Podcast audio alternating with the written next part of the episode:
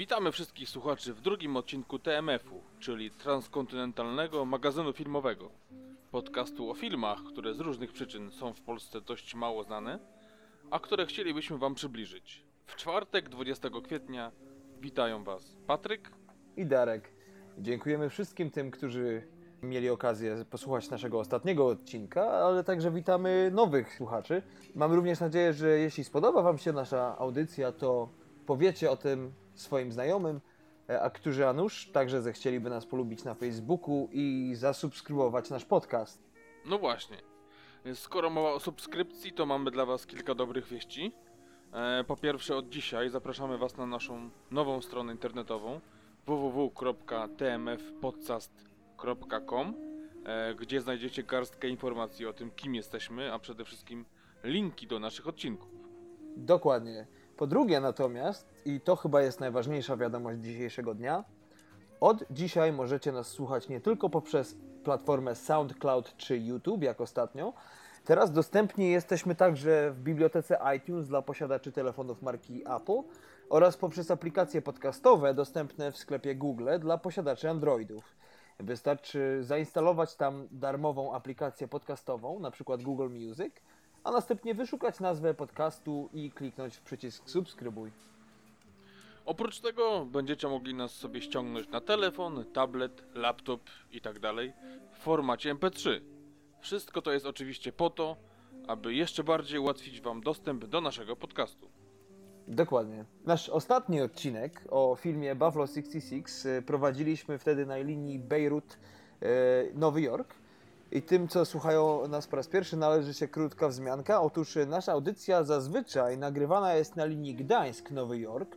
Y, natomiast Patryk ma to do siebie, że czasami lubi się przemieszczać z miejsca na miejsce i co też nie omieszkał ostatnio uczynić. Patryk, podziel się, gdzie cię tym razem wywiało. No tak, e, moja misja w Libanie dobiegła końca, e, więc tym razem wywiało mnie z powrotem do domu, czyli do wspomnianego Gdańska.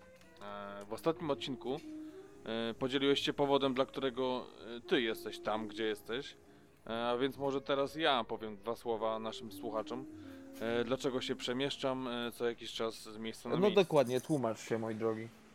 No właśnie, a wynika to z tego, że na co dzień zajmuję się mm, pracą jako mechanik przy montażach i przeglądach tajemniczo brzmiących maszyn, czyli turbin parowych, w elektrowniach e, i rafineriach, mm, głównie na terenie Europy, e, ale od czasu do czasu kroczek dalej i właśnie czego efektem e, była wizyta w kraju, którego nazwa pada 71 razy w Starym Testamencie. Czyli dokładnie tak jak nasi słuchacze zgadli, w Libanie.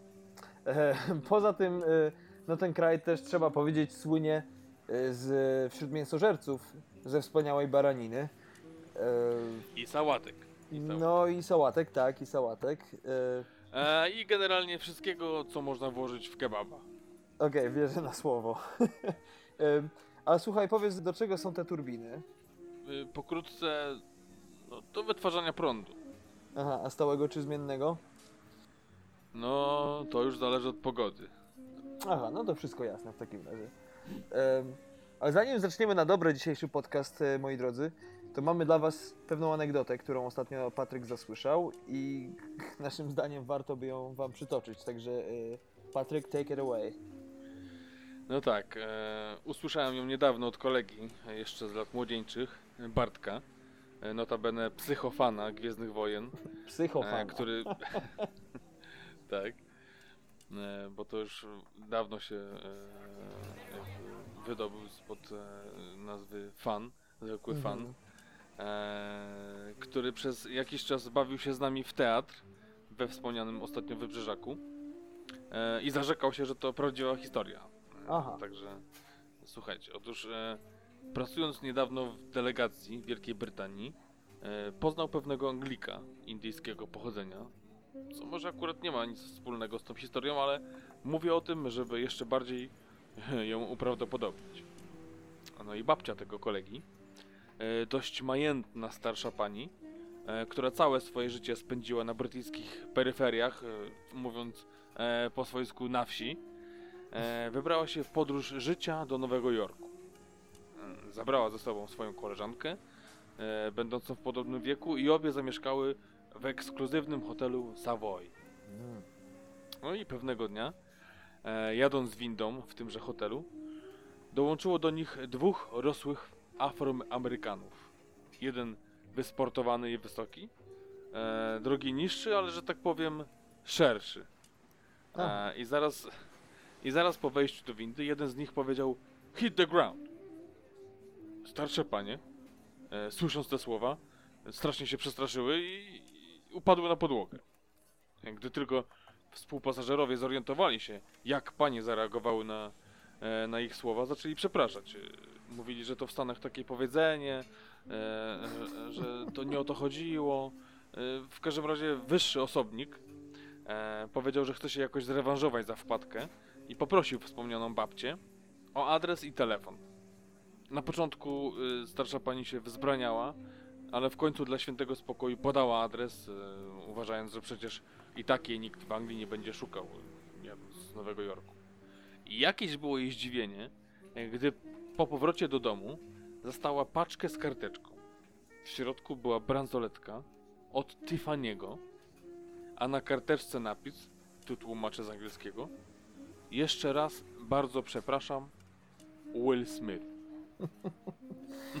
Powiem ci, że gdybym ja e, był w takiej sytuacji, coś takiego by mi się przydarzyło, to wystarczyłaby jakaś fajna rola, bo jak znam siebie, to bransoletkę jeszcze by mi wcięło.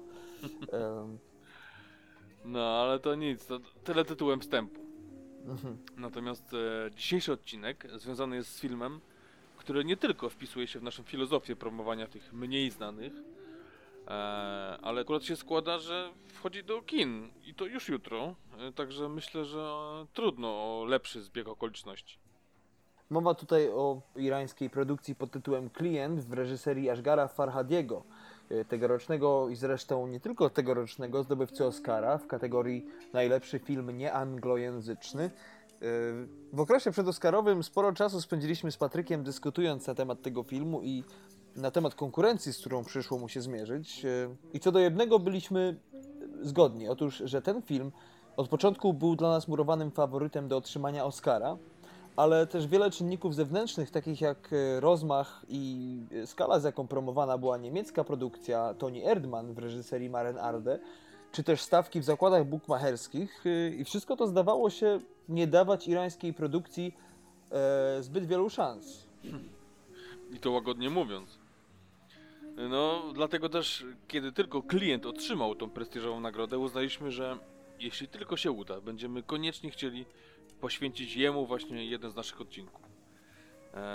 Ale może zanim przejdziemy do naszej rozmowy o nim, najpierw powiemy co nieco o aktualnościach kinowych, e, a na koniec pierwszej części przedstawimy Wam garstkę newsów z planów filmowych i dywanów o różnych odcieniach czerwieni. E, tak jak już wspomnieliśmy dwa tygodnie temu, nadchodzące dni będą dość gorące, jeśli chodzi o premiery, natomiast okazuje się dość zimne, je- jeśli chodzi o temperatury na zewnątrz. Otóż e, już jutro, czyli 21 kwietnia, oprócz wspomnianego klienta, do polskich kin wchodzą również takie produkcje jak ósma część Szybkich i Wściekłych, czy też animowany film wytwórni DreamWorks, e, czyli po polsku Dzieciak rządzi, który w Stanach Zjednoczonych do dziś, e, czyli niecałe 3 tygodnie od premiery, zarobił już około 120 milionów dolarów, a globalnie już prawie 300. Oprócz tego mamy jeszcze premierę polsko-brytyjskiej produkcji Bikini Blue z Tomaszem Kotem. E, Ale o tych produkcjach e, mówiliśmy więcej w poprzednim odcinku. E, Za to w kolejnym tygodniu, czyli 28 kwietnia, do kin wchodzi duńskie wybawienie. W oryginale o bardzo dźwięcznej nazwie Flaskę Post Frappe. Bardzo dźwięcznej nazwie. Film jest trzecim już z kolei kryminałem opisującym wspólną pracę detektywa Karla i jego pomocnika Asada z Departamentu Q. E, Tym razem nieustraszeni Skandynawowie trafiają na tajemniczy list w butelce sprzed 8 lat. E, Napisany, wszystko wygląda na to dziecięcą ręką, ale przy pomocy krwi. Uuu, Zapowiada się intrygująca. Hmm. E, No, tym bardziej, że dwie poprzednie części były naprawdę dobre. Zresztą mi jednak trochę mrozi krew w żyłach. E, dziecięca ręka, krew. E, nic. E, drugi film. e, który wchodzi do kina właśnie 28 kwietnia, to amerykańska produkcja pod tytułem Uciekaj, czyli Get Out. I co prawda tradycyjnie umieścilibyśmy ten film w kategorii horroru, e, natomiast w Stanach Zjednoczonych ze względu na jego wymowę coraz częściej określa się go mianem thrillera społecznego. Film ten opowiada o czarnoskórym chłopaku, który wybiera się na zapoznawczą wizytę do rodziców swojej nowej, białoskórej dziewczyny. I no nie trzeba długo czekać, by sprawy zaczęły nabierać, e, łagodnie mówiąc, dość nieciekawego obrotu. Tak myślę sobie teraz o tym e, thrillerze społecznym. E, może to jest właśnie to e, zetknięcie się czarnoskórego chłopaka z białoskórą dziewczyną i jej rodziną. Myślę, że dlatego to. Wiesz, nazwane dokładnie, to jest, to jest y, bardzo często w Stanach y, dochodzi do sytuacji, w których ludzie, no zazwyczaj są to ludzie biali właśnie, starają się być, y, pokazać jak to bardzo są otwarci na inne rasy, jak to nie są rasistami i jakby nadkompensacja następuje, jak to się potocznie mówi i e, okazuje się, że wychodzą na jeszcze większych rasistów. Tak, tak. I potem mamy właśnie, czy to thrillery, horrory, czy, Mhm. czy, czy dramaty społeczne. No ale jako ciekawostkę myślę, należy odnotować to, iż nakręcenie filmu zajęło twórcom tylko 28 dni e, zdjęciowych, e, ale co czyni ten film jeszcze bardziej wyjątkowym, to fakt, że na jego powstanie wydano zaledwie 4,5 miliona dolarów, a do dziś już zarobił ponad 180.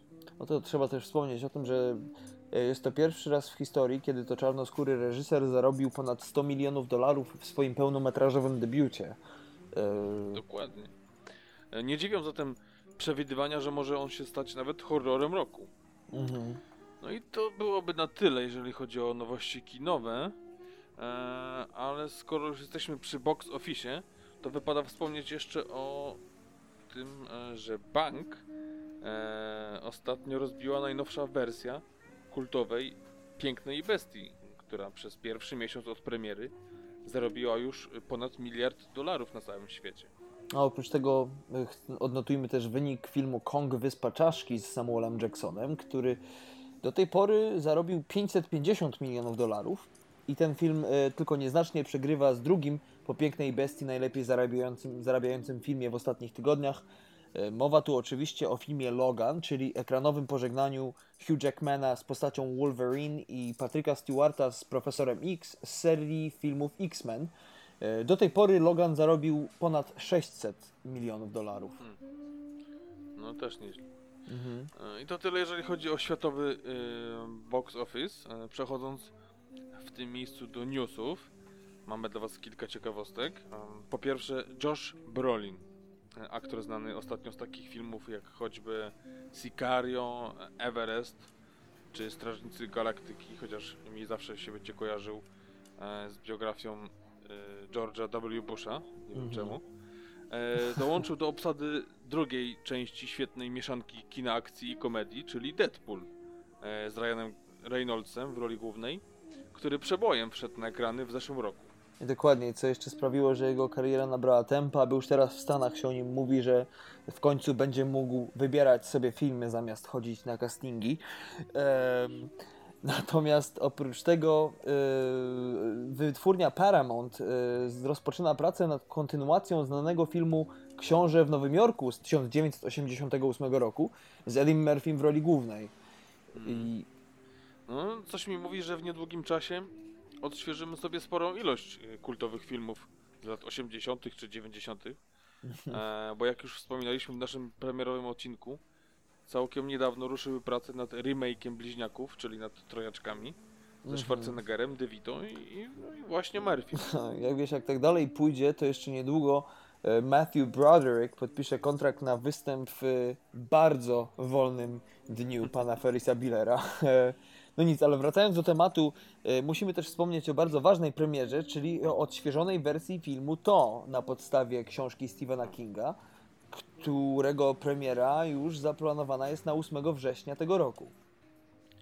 A na koniec zrobi się jeszcze poważniej, Mhm. e, gdyż została zapowiedziana kontynuacja słynnej Laleczki Chucky, e, filmu, który ma podobno być najstraszliwszym z całej serii.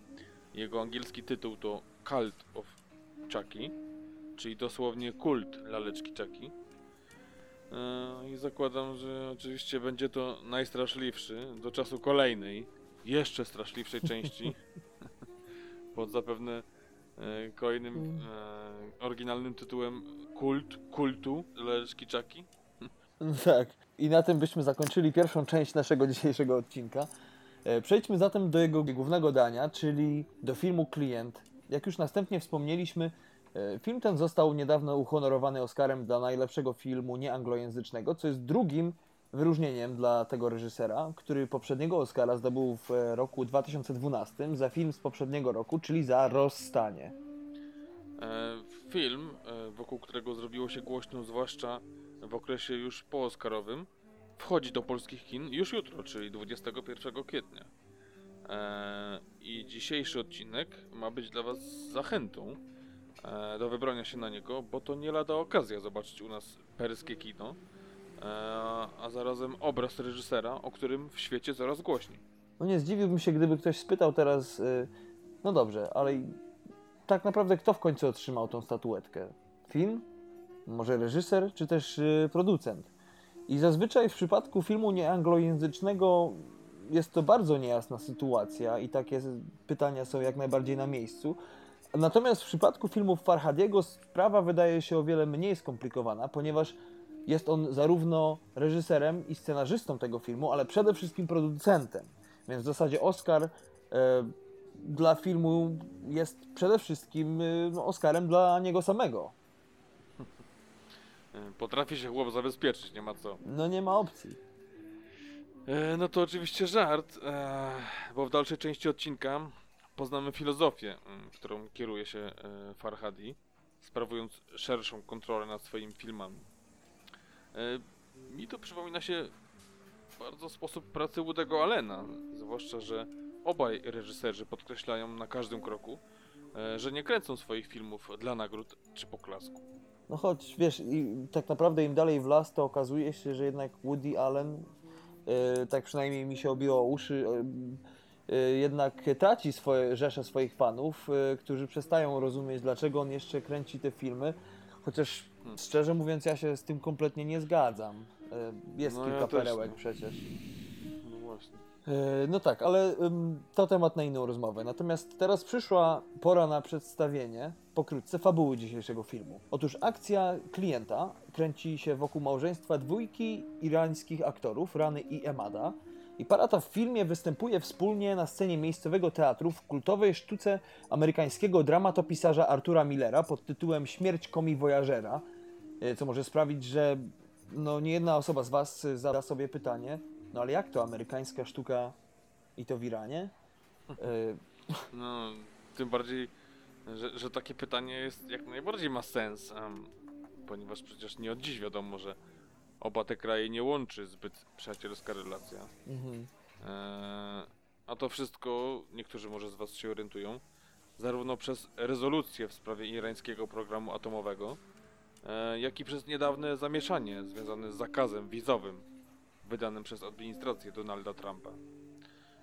No, chociaż wróćmy może najpierw do fabuły. Dokładnie, politykę sobie zostawiamy na inny podcast. Otóż y, spokój naszych głównych bohaterów zostaje zburzony pewnego dnia przez drastyczne zajście, do którego dochodzi po jednym ze spektakli. Otóż Rana, grana przez Taranę Ali Dosti, będąc sama w domu, podczas gdy Emmat musi zostać po spektaklu w teatrze, zostaje napadnięta przez niezidentyfikowanego napastnika i ląduje w szpitalu z poważnymi obrażeniami. Jej mąż, w rolę którego wciela się znany poprzednio z Oscarowego rozstania Shahab Hosseini, postanawia rozwikłać tajemnicę, kim jest napastnik, a następnie odnaleźć go i wymierzyć sprawiedliwość. Struktura fabuły zdaje się być bardzo prosta. Czyli po jednym zajściu następuje efekt kostki domina w postaci zdarzeń, które mają doprowadzić do sprawcy przestępstwa.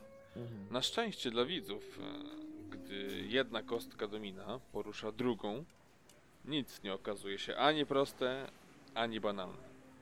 Film ten z jednej strony ukazuje zwykłą, wręcz można powiedzieć pospolitą e, codzienność Iranu, z drugiej natomiast jest pełen zarówno zwrotów akcji, jak i wielu drobnych smaczków. Niczym słoiczek kuskus z tego regionu. E, to wszystko tylko wzbogaca obraz przedstawionej rzeczywistości, która wcale nie jest taka prosta, jakby się wydawało. Dokładnie. Jeśli chodzi o tytuł filmu, to w języku farsi oznacza sprzedawcę, co też ma sens, jeśli chodzi o amerykańskie tłumaczenie filmu, czyli The Salesman. E, Natomiast polskie tłumaczenie klient nie jest bynajmniej wynikiem e, zazwyczaj dość barwnej twórczości polskich tłumaczy. E, W tym przypadku do głosu doszły prawa autorskie, a dokładniej mówiąc sytuacja, która miała miejsce we Francji, ponieważ był już tam wcześniej film o, o identycznej nazwie, więc dystrybucja klienta musiała się tutaj trochę nagimnastykować, by wybrnąć z sytuacji i jakoś ten film nazwać. No tak, e, moglibyśmy dalej nad tym dywagować, e, ale myślę, że mogłoby się skończyć tym, że po prostu opowiedzielibyśmy wam clue filmu. A przecież wcale nie o to chodzi. E, Natomiast myślę, że możemy przejść do osoby głównego twórcy filmu, e, czyli wspomnianego już reżysera. Urodzony w Teheranie, stolicy Iranu w 1972 roku. E, Farhadi ukończył tamtejszy uniwersytet na Wydziale Teatralnym i przez bardzo długi czas znany był e, właśnie z produkcji teatralnych, e, bardziej niż filmowych. Swoją przygodę z dziesiątą muzą rozpoczął od reżyserowania rozmaitych produkcji dla irańskiej telewizji, a w filmie pełnometrażowym zadebiutował w 2001 roku jako scenarzysta. E, Jego debiutem reżyserskim z kolei, e, który nastąpił dwa lata później, był film Dancing in the Dust, e, w polskim tłumaczeniu Tańcząc w pyle. I tak przez kilka lat jego twórczości, jeśli chodzi o film, Farhadi raczej pozostawał twórcą o znaczeniu i, i, i też rozgłosie lokalnym. Natomiast przełom w jego karierze nastąpił wtedy, kiedy to jego film Fireworks Wednesday w polskim tłumaczeniu Perski Nowy Rok otrzymał wyróżnienie w kategorii aktorskiej na Festiwalu Filmów Zagranicznych w Chicago. I co ciekawe, film ten był drugą produkcją z kolei, do której Farhadi zaangażował Taraneh Ali Dosti, czyli naszą filmową ranę. Mhm. E, W przypadku reżysera można śmiało powiedzieć, że jest on jedną z najjaśniejszych postaci, jeżeli chodzi o światowe kino w tym momencie. E, Gdyż w krótkim czasie z mało znanego irańskiego twórcy e, stał się bardzo rozpoznawalny, z pokaźną liczbą filmów już na koncie. Mhm. E, Także jeśli macie czas i ochotę, to bardzo Was zachęcamy do obejrzenia choćby jego poprzedniego Oscarowego filmu Rozstanie z 2011. Sam Farhadi na każdym kroku podkreśla, że tworząc swoje filmy, jego głównym celem jest to, by widownia potrafiła się przede wszystkim zdobyć na odruch empatii w stosunku do przedstawionych przez niego bohaterów. E, Bardzo mu na tym zależy i, i e, jego zdaniem e, tego właśnie brakuje najbardziej w dzisiejszym świecie, jeśli chodzi właśnie o film. No, jeśli chodzi o jego filmy, to ciężko im jej odmówić, bo te przecież bronią się same. E, No tak, No, ale- ale... wiesz, szczerze mówiąc, to nie zgodziłbym się z opinią, że w dzisiejszym kinie rzeczywiście brakuje empatii. Założę się, Mhm. że gdybyśmy spytali innych reżyserów, co o tym sądzą, e, to pewnie prawie każdy z nich odpowiedziałby podobnie, że empatii w filmach mało, ale za to w ich własnych jest właśnie tej empatii pełno. Mhm. No, jestem pewien, że w identyczny sposób odpowiedziałby na przykład Sylwester Stallone z, z spytany o film Niezniszczalni. E, No tak. Chociaż e, przecież niedawno rozstał się z tą serią, e, więc zapewne trochę tej empatii niezniszczalnym jednak ubyło. no, ale tylko ciutkę. Kolejną regułą Farhadiego, czego potwierdzeniem jest choćby dzisiejszy klient, jest to, że jego filmy zdają się zadawać więcej pytań niż udzielać odpowiedzi. E, Sposób konstruowania przez niego postaci powoduje, że żadna z nich tak naprawdę nie jest jednowymiarowa. Bardzo często właśnie, czy to główni bohaterowie, ich wrogowie, czy też zwykli ludzie, dokonują wyborów, które bywają ze sobą bardzo często sprzeczne. Dokładnie. E, Potwierdzeniem tego jest choćby postawa głównego bohatera filmu, wspomnianego Emada, e, który na co dzień pracuje jako nauczyciel i literatury w szkole dla chłopców, e, a po godzinach zmienia się w aktora teatralnego. Na początku filmu Emad jest postacią, zdaje się, dość jednobiegunową. Widzimy go jako człowieka opanowanego, uczynnego, o dość łagodnym charakterze. Zresztą e, potwierdzeniem czego jest sympatia, z jaką darzony jest przez swoich uczniów czy też e, sąsiadów. Na szczęście dla widza, sprawy mocno się komplikują po wspomnianej już napaści na jego żonę. Emad będący pod wpływem emocji w porównaniu do Emada z pierwszej części filmu, e, z jednej strony może i nadal wygląda na opanowanego, ale z drugiej okazuje się, że kiedy raz poweźmie jakąś decyzję, w tym przypadku by dosięgnąć sprawiedliwości i odnaleźć napastnika, to nikt i nic nie jest w stanie go od tego odwieść. E, Zresztą w filmie jest wiele takich momentów, y, w których widz z łatwością potrafi dostrzec alternatywne rozwiązanie dla działań głównego bohatera. Ten jednak zdaje się być głuchy na prośby czy błagania widza i pozostaje nieugięty, a to dalej prowadzi do powikłań. No, muszę przyznać, że jeśli chodzi o casting, e, to Shahab Hosseini no, wydaje się idealnie pasować do granej przez siebie postaci. Aktor potrafi skupić na sobie nasz wzrok, a jego czarne oczy, twarde i charakterystyczne rysy twarzy doskonale współgrają z jego charakterem. Aktorstwo Hosseiniego jest wręcz nienaganne i ogląda się naprawdę z wielką przyjemnością. E, Jeśli chodzi o próby do filmów Farhadiego, to aktorzy w okresie przygotowawczym wspólnie z nim wypracowują styl gry, który jest wypadkową. Z jednej strony trzymania się scenariusza, a z drugiej pełnej naturalności, co sprawia, że oglądając ten film, e, widz często ma wrażenie, że zamiast aktorów obserwuje prawdziwych ludzi w autentycznych sytuacjach. E, dodatkowo e, Farhadi lubi łączyć w swoich filmach konwencje filmu fabularnego i dokumentu. Mhm. Jak już wspomnieliśmy, Farhadi lubi też komplikować widzowi odbiór swoich postaci. Nie inaczej jest w kliencie, y, oglądając którego ma się wrażenie, że im dalej w las, tym bardziej zaczyna uwidaczniać się właśnie wielowymiarowość y, bohaterów tego filmu. I to sprawia, że pod jego koniec y, sytuacja ludzi w nim ukazanych staje się coraz mniej klarowna dla nas przede wszystkim i coraz trudniej jest nam ich jednoznacznie ocenić przez to. No dobrze. Myślę, że wypada teraz na chwilę zatrzymać się przy e, ranie e, granej przez wspomnianą już e, Ali Dosti. Główna bohaterka filmu zdaje się mieć jeszcze większy dylemat od jej męża, jeśli chodzi o to, co zrobić i jak na nowo ułożyć sobie życie po napadzie, którego jest ofiarą. Ze względu na związaną z nim traumę, Rana jest mocno przeciwna zgłaszaniu całego zajścia na policję czego całkowicie nie rozumie jej mąż. W dokonaniu właściwego wyboru nie pomagają również sąsiedzi, którzy tłumaczą, że po pierwsze, policja w Iranie nie potrafi nic zdziałać, a to jeszcze po co iść na komisariat i do, dodatkowo rozdrapywać rany. No i w końcu dochodzi do tego, że kobieta znajduje się w sytuacji bez wyjścia, podczas gdy jej mąż traci resztki cierpliwości. I skoro nikt nie chce z tą sytuacją nic zrobić, to ten postanawia wziąć sprawy w swoje ręce i rozpocząć tropienie sprawcy.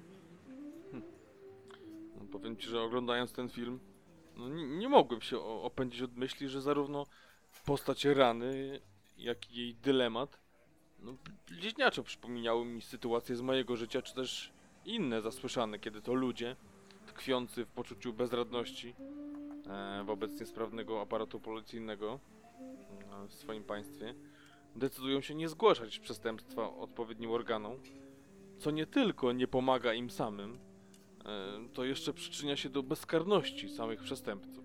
No rzeczywiście e, Farhadi świetnie oddaje realia prawdziwego życia i złożoność charakteru ludzkiego, bo pomimo tego, że możemy się nie zgadzać z podejmowanymi przez jego bohaterów wyborami, to jednak autentyczność sytuacji i ciężar, jaki spoczywa na doświadczających ich ludziach, e, to wszystko powoduje, że możemy łatwiej dostrzec i zrozumieć powody, dla których e, ci ludzie czynią to, co czynią. Czyli kolejny raz skłania nam się tutaj już wcześniej wspomniana empatia.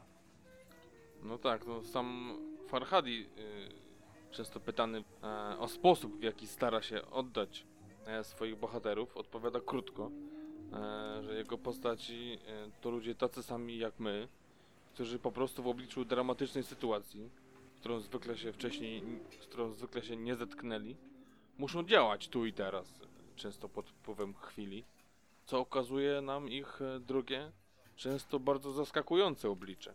No, Taka już e, jest natura ludzka, że często lubimy powiedzieć e, innym, ja bym tego nie zrobił, ja bym się tak w ten sposób nie zachował. E, A prawda jest taka, że punkt widzenia bardzo często zależy do, od punktu siedzenia.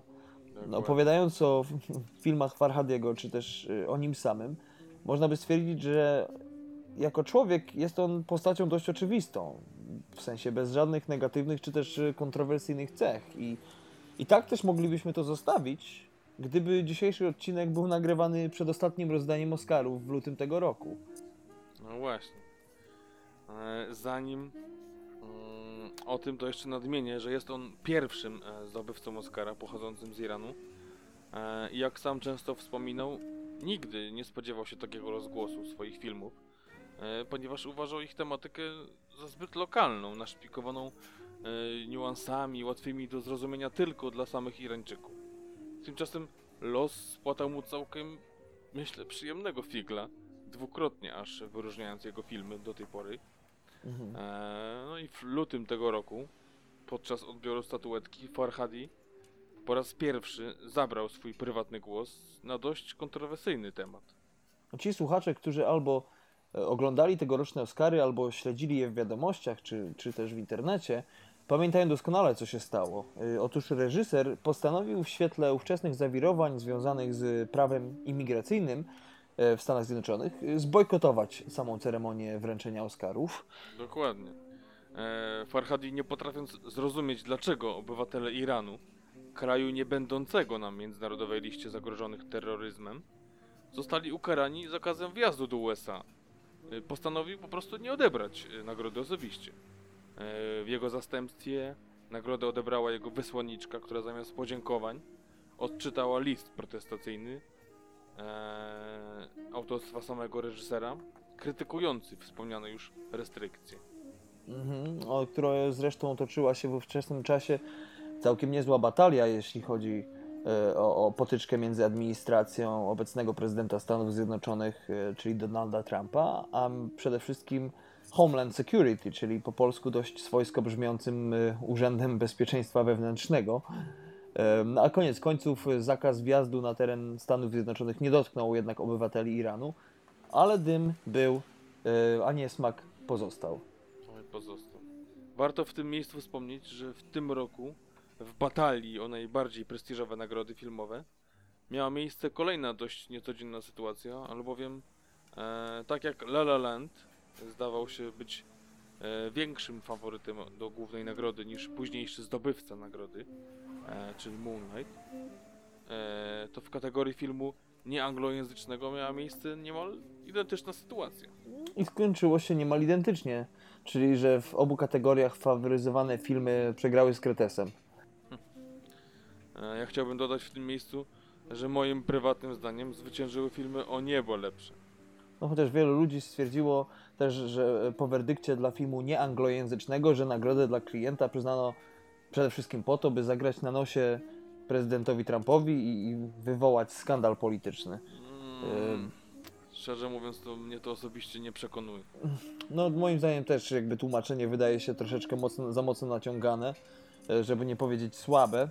Ale wracając do twórczości Ashgara, to jedno co łączy jego filmy to wspomniany już sposób konstruowania postaci, a drugą chyba nawet o wiele ważniejszą rzeczą jest to, że filmy jego przybliżają nam dość odległą i bardzo złożoną rzeczywistość Iranu, y, Chociaż, jak sam mówi reżyser, żaden film nie potrafiłby jej oddać e, doskonale, czy zresztą nie tylko Iranu, bo jego zdaniem, bez względu na kraj czy kontynent, e, czy też klasę społeczną, wszystko, co na pierwszy rzut oka wydaje się w danym społeczeństwie, w danej warstwie społecznej oczywiste, po bliższemu przyjrzeniu się staje się zagadnieniem o wiele bardziej skomplikowanym. E, Tak bardzo skomplikowanym, że potrzeba by szerszego kanonu, by dobrze oddać złożoność danej społeczności. No tak, no co do samego Iranu, to nie od dziś wiadomo, że jest to państwo, którym e, dominuje religijny, a może raczej dokładniej islamski porządek prawno-byczajowy, e, który raczej nie słynie z wolności słowa, a jest to związane ze zdarzeniem sprzed wielu lat, a mianowicie z nadejściem rządów imana e, Chomeiniego w latach 70. I jego restrykcyjne rządy sprawiły, że ten kraj, w porównaniu do choćby Iranu z lat 60., e, z popkulturowego i wydaje się dość progresywnego kraju. E, w bardzo szybkim czasie przeistoczył się w oazę e, konserwatyzmu islamskiego i rządów e, twardej ręki. E, Khomeini e, co prawda zmarł już dość dawno, e, bo to był rok 89, co kojarzę. Mhm. E, ale od tego czasu życie w Iranie, przynajmniej na tyle, na ile sami jesteśmy w stanie to zaobserwować, czy dowiedzieć się z rozmaitych źródeł, znacząco się nie zmieniło. No, dokładnie, nawet przez e, te ostatnie dekady e, życie też nie wygląda za ciekawie. Pamiętasz, e, kiedy do kin wchodziło rozstanie, to Iranem rządził w tym czasie nie kto inny jak ówczesny prezydent Mahmud Ahmadinejad, e, znany z bardzo niepopularnych, a często dość kontrowersyjnych wypowiedzi, bo był on swego czasu oskarżony zarówno przez opozycję, chociaż w Iranie dość raczej skromną, ale przede wszystkim oskarżany był przez społeczność międzynarodową z nie kim innym jak USA na czele o negowanie Holokaustu, czy też o kwestionowanie prawa do istnienia państwa Izrael. No i trzeba przyznać, że rozstanie, e, pomimo kontrowersji, e, spotkało się z pozytywnym odbiorem przez samych Irańczyków, bo e, jak mówi Farhadi, w tamtym czasie wielu ludzi w Iranie czuło potrzebę zaprotestowania przeciwko działaniom ówczesnego prezydenta, a dodatkowe zdobycie przez film Oscara dodało im dodatkowego wiatru w żagle. No, chociaż musimy też przyznać, że e, mimo iż liberalna część Iranu nie ma pod wieloma względami łatwego życia, to też do końca nie, nie byłoby sprawiedliwe malowanie realiów kraju byłej Persji wyłącznie w ciemnych barwach, bo e, przecież e, są elementy zarówno w filmach Farhadiego, jak i na przykład w filmie Bahmana Gobadiego pod tytułem No One Knows About Persian Cats, e, czyli Nikt nic nie wie o perskich kotach, e, które to filmy rzucają także nieco inne, ciut, można by powiedzieć, łagodniejsze światło e, e, na to, jak tak, wygląda no, życie w Iranie. E, Mi, mimo wszystko, kraj ten jest jednak dość oszczędny, jeśli chodzi o e, generalne okazywanie uczuć. Mhm. Tak na przykład w samym kliencie e, ze świeczką można szukać momentów fizycznej bliskości między ludźmi. Nie ma w nim zbytniej czułości, e, a jeśli nawet chodzi o e, momenty jakieś intymne, oczywiście tu nie mówię o żadnych scenach miłosnych, Mhm. no to ich kulminacją zazwyczaj jest szczere, jednakże z zachowaniem pewnego dystansu powiedzenie, no kocham cię. No to jest bardzo ciekawe, żeby nie powiedzieć dziwne, zwłaszcza jeśli chodzi o fakt, że akurat w tym filmie głównymi bohaterami są aktorzy, czyli osoby, które generalnie na świecie uchodzą za osoby bardzo emocjonalne, które nie tylko nie boją się okazywać swoje uczucia, ale często ich zachowanie bywa odrobinę głośniejsze od y, otoczenia. No ale no widzisz, czyli aktorzy z szeroko pojętego zachodu są zupełnie inni niż ci z Bliskiego Wschodu. No na to by wychodziło.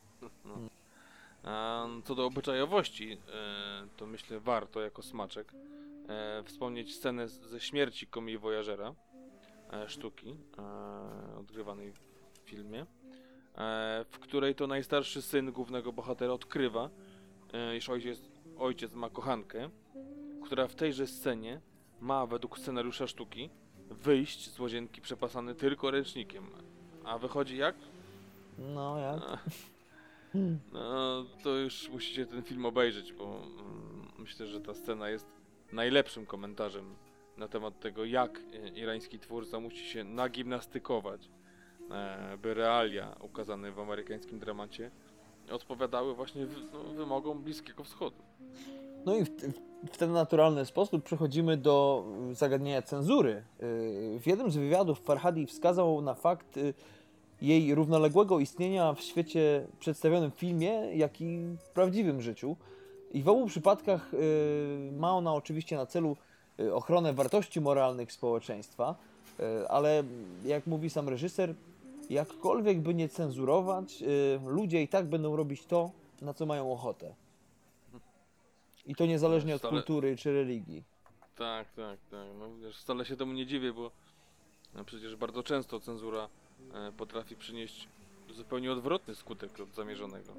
Mhm. E, Farhadi pytany kiedyś o to, jakim cudem w ogóle udaje mu się kręcić i do tego jeszcze pokazywać swoje filmy e, w Iranie, które często podejmują dość e, no, odważne tematy. E, Powiedział, że cenzura ma to do siebie, iż nierzadko potrafi wzmóc kreatywność artystów w poszukiwaniu sposobów na je obejście. E, Właśnie, e, co tylko Mm. myślę, że tobie też e, przypomina mi o twórczości polskiego filmu z lat 70. i 80. No, nawiasem mówiąc, to chyba do dziś najlepszy okres w polskim kinie, przynajmniej według mojej mamy. E, e, Kiedy to przecież powstały takie świetne i dziś kultowe komedie, bez których nie można by sobie wyobrazić y, polskiego kina. No, Mowa tutaj o Misiu, czy na przykład moim, Mm. jednym z moich ulubionych, y, Nie lubię poniedziałku. No ale też w tym czasie powstały genialne dramaty, żeby tutaj chociaż wspomnieć Barwy ochronne lub też troszeczkę bardziej znaną Ucieczkę z kina Wolność. No tak jest. No, ja myślę, że kończąc wątek cenzury, e, bardzo ciekawą rzeczą, jaką e, powiedział Farhadi, jest to, że mimo wspomnianych restrykcji obyczajowych, kręcenie filmu w Iranie jest paradoksalnie dużo łatwiejsze niż Hmm. na przykład e, pierwszy z brzegu oczywiście Stany Zjednoczone, Mhm. ponieważ w odróżnieniu od nich e, w dawnej Persji nie istnieje silna konkurencja w przemyśle filmowym. E, I tak jak Hollywood, e, która dyktowałaby wymogi rynkowe, e, czyli to, jakie filmy się opłaca kręcić, a jakie nie. Co jeszcze bardziej ułatwia zresztą tworzenie takim ludziom jak Farhadi, ludziom, którzy idą bardzo mocno w stronę kina autorskiego, będąc przede wszystkim producentami wyreżyserowanych przez siebie filmów. E, No dobrze, ale wspomnieliśmy już kilka razy e, śmierć komi Voyagera, a także realia społeczno-obyczajowe panujące w Iranie. Mm, I tutaj nasuwa się pytanie, dlaczego więc akurat ta, a nie inna sztuka została wybrana do filmu i czy przypadkiem jej wybór nie kryje ze sobą jakiegoś głębszego podtekstu. W jednej ze wcześniejszych y, scen w filmie na pytanie Emada, kto przeczytał tę sztukę, jego uczniowie chórem i z uśmiechem na ustach odpowiadają wróg. y, Co moim zdaniem jednoznacznie dowodzi temu, że jednak y, w- Iranie panuje dość wrogi stosunek do Stanów Zjednoczonych, chociaż mam wrażenie, że takie gadki e, przewijają się głównie no, w szeroko pojętym świecie dorosłych, jak i prze- w kontrolowanych przez rząd mass mediach raczej niż wśród dzieci, które pewnie tylko powtarzają to, co... e, To swoimi rodzicami. No tak. E, ale nie można też powiedzieć e, przecież, że nie ma tu osobistego powodu do wyboru tej sztuki. E, bo przecież e, Farhadi często wspomina o tym, e, jak to studiując na Wydziale Teatralnym zakochał się właśnie w tej sztuce e, i zawsze chciał ją wystawić. E, pytany zresztą e, o to mówi, że jak kiedyś znajdzie czas, e, to chciałby bardzo zrealizować ten spektakl właśnie z aktorami występującymi właśnie w filmie. Mm. No, swoją drogą to mi przypomina ostatnie zapowiedzi Quentina Tarantino, który e, wspomniał niedawno na łamach jednego z magazynów filmowych e, o planach przeniesienia swojego ostatniego filmu, czyli Nienawistnej Ósemki, westernu, e, z dużego ekranu na właśnie deski teatru. No proszę.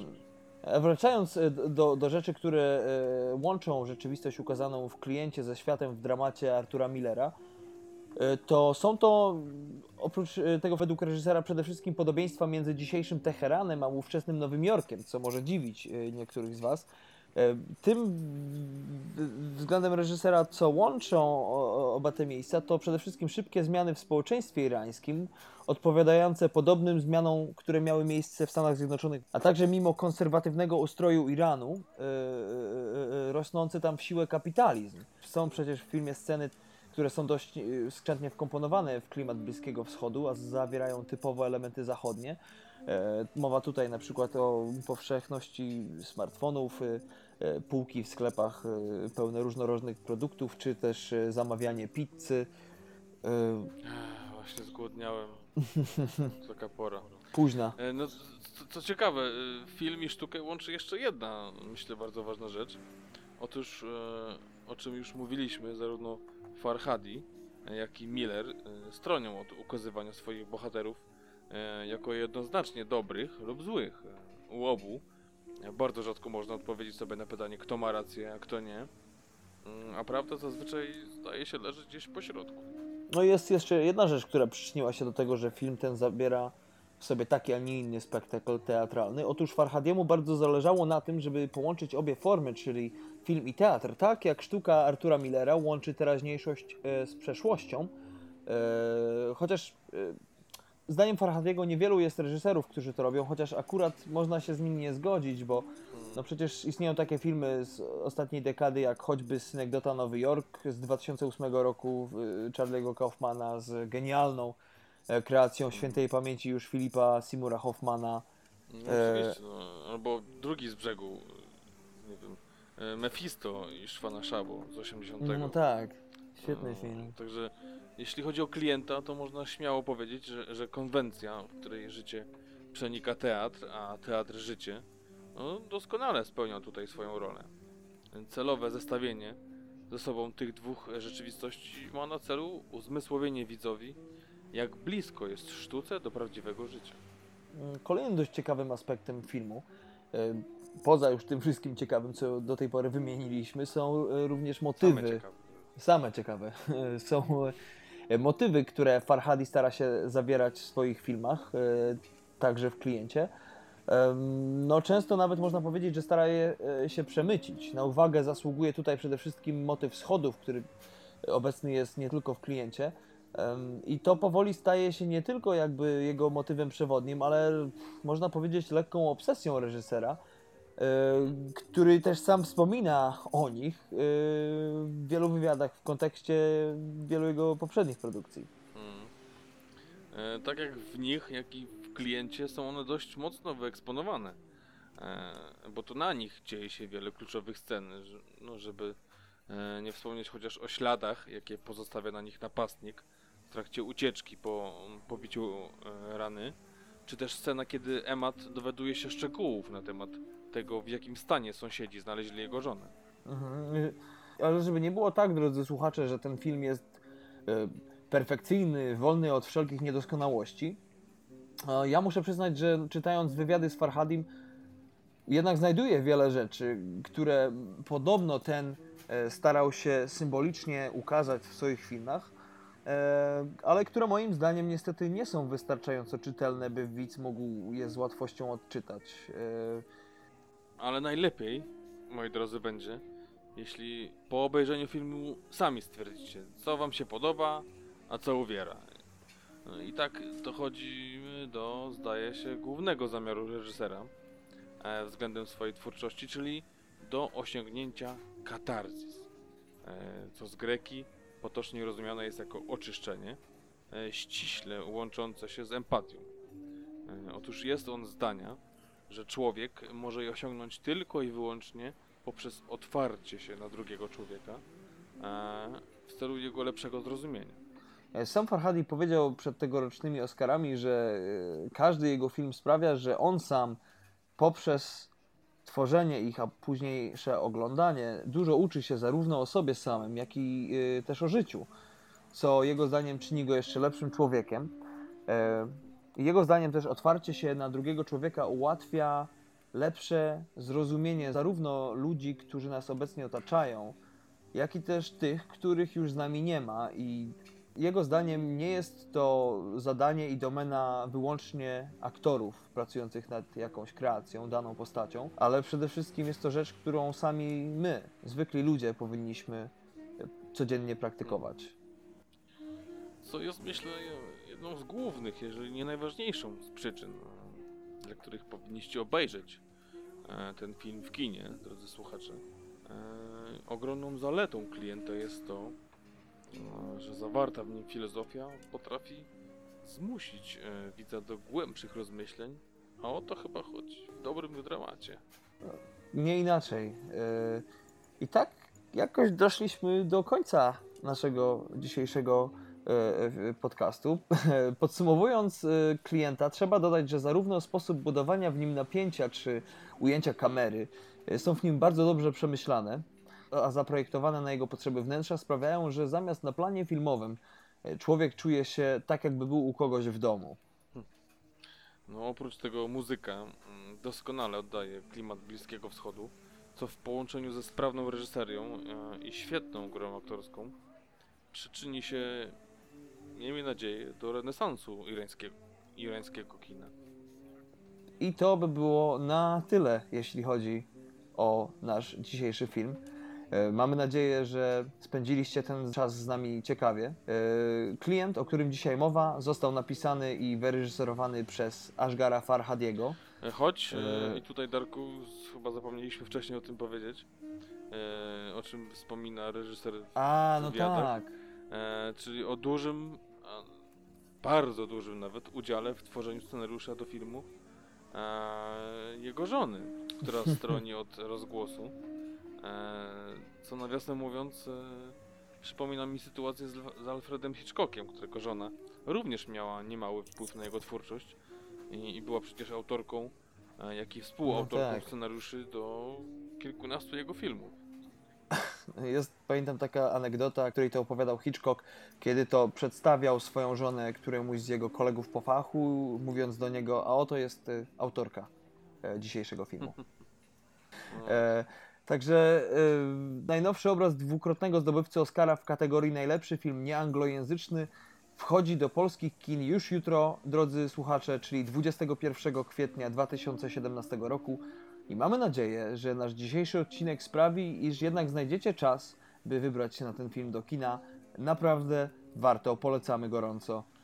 Tak jest, a poza tym chcielibyśmy Wam przypomnieć, e, że oprócz strony facebookowej e, www.facebook.com ukośnik TMF podcast pisane razem e, nasze odcinki możecie znaleźć na naszej nowej stronie internetowej, czyli www.tmfpodcast.com e, którą z czasem zaczniemy rozbudowywać, e, przybliżając Wam m.in. wspomniane już w poprzednim odcinku krótkie formy niezależnych artystów z całego świata. A jest tego naprawdę sporo, jest w czym wybierać, y, także zapraszamy. E, przypomi- Przypominamy również, że oba nasze odcinki, zarówno ten sprzed dwóch tygodni, jak i dzisiejszy, dostępne są także dla użytkowników telefonów i komputerów firmy Apple poprzez e, bibliotekę iTunes oraz dla posiadaczy Androidów w sklepie Google Play.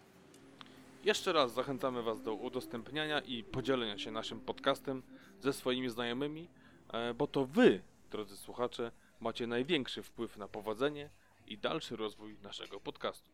Jeszcze raz dziękujemy Wam bardzo za uwagę i do usłyszenia w trzecim odcinku TMF-u już za dwa tygodnie, w czwartek 4 maja 2017 roku, a dziś w transkontynentalnym magazynie filmowym mówili do Was tradycyjnie już Bo jakże inaczej, Patryk Darek. Do zobaczenia. i tradycyjnego usłyszenia Cześć!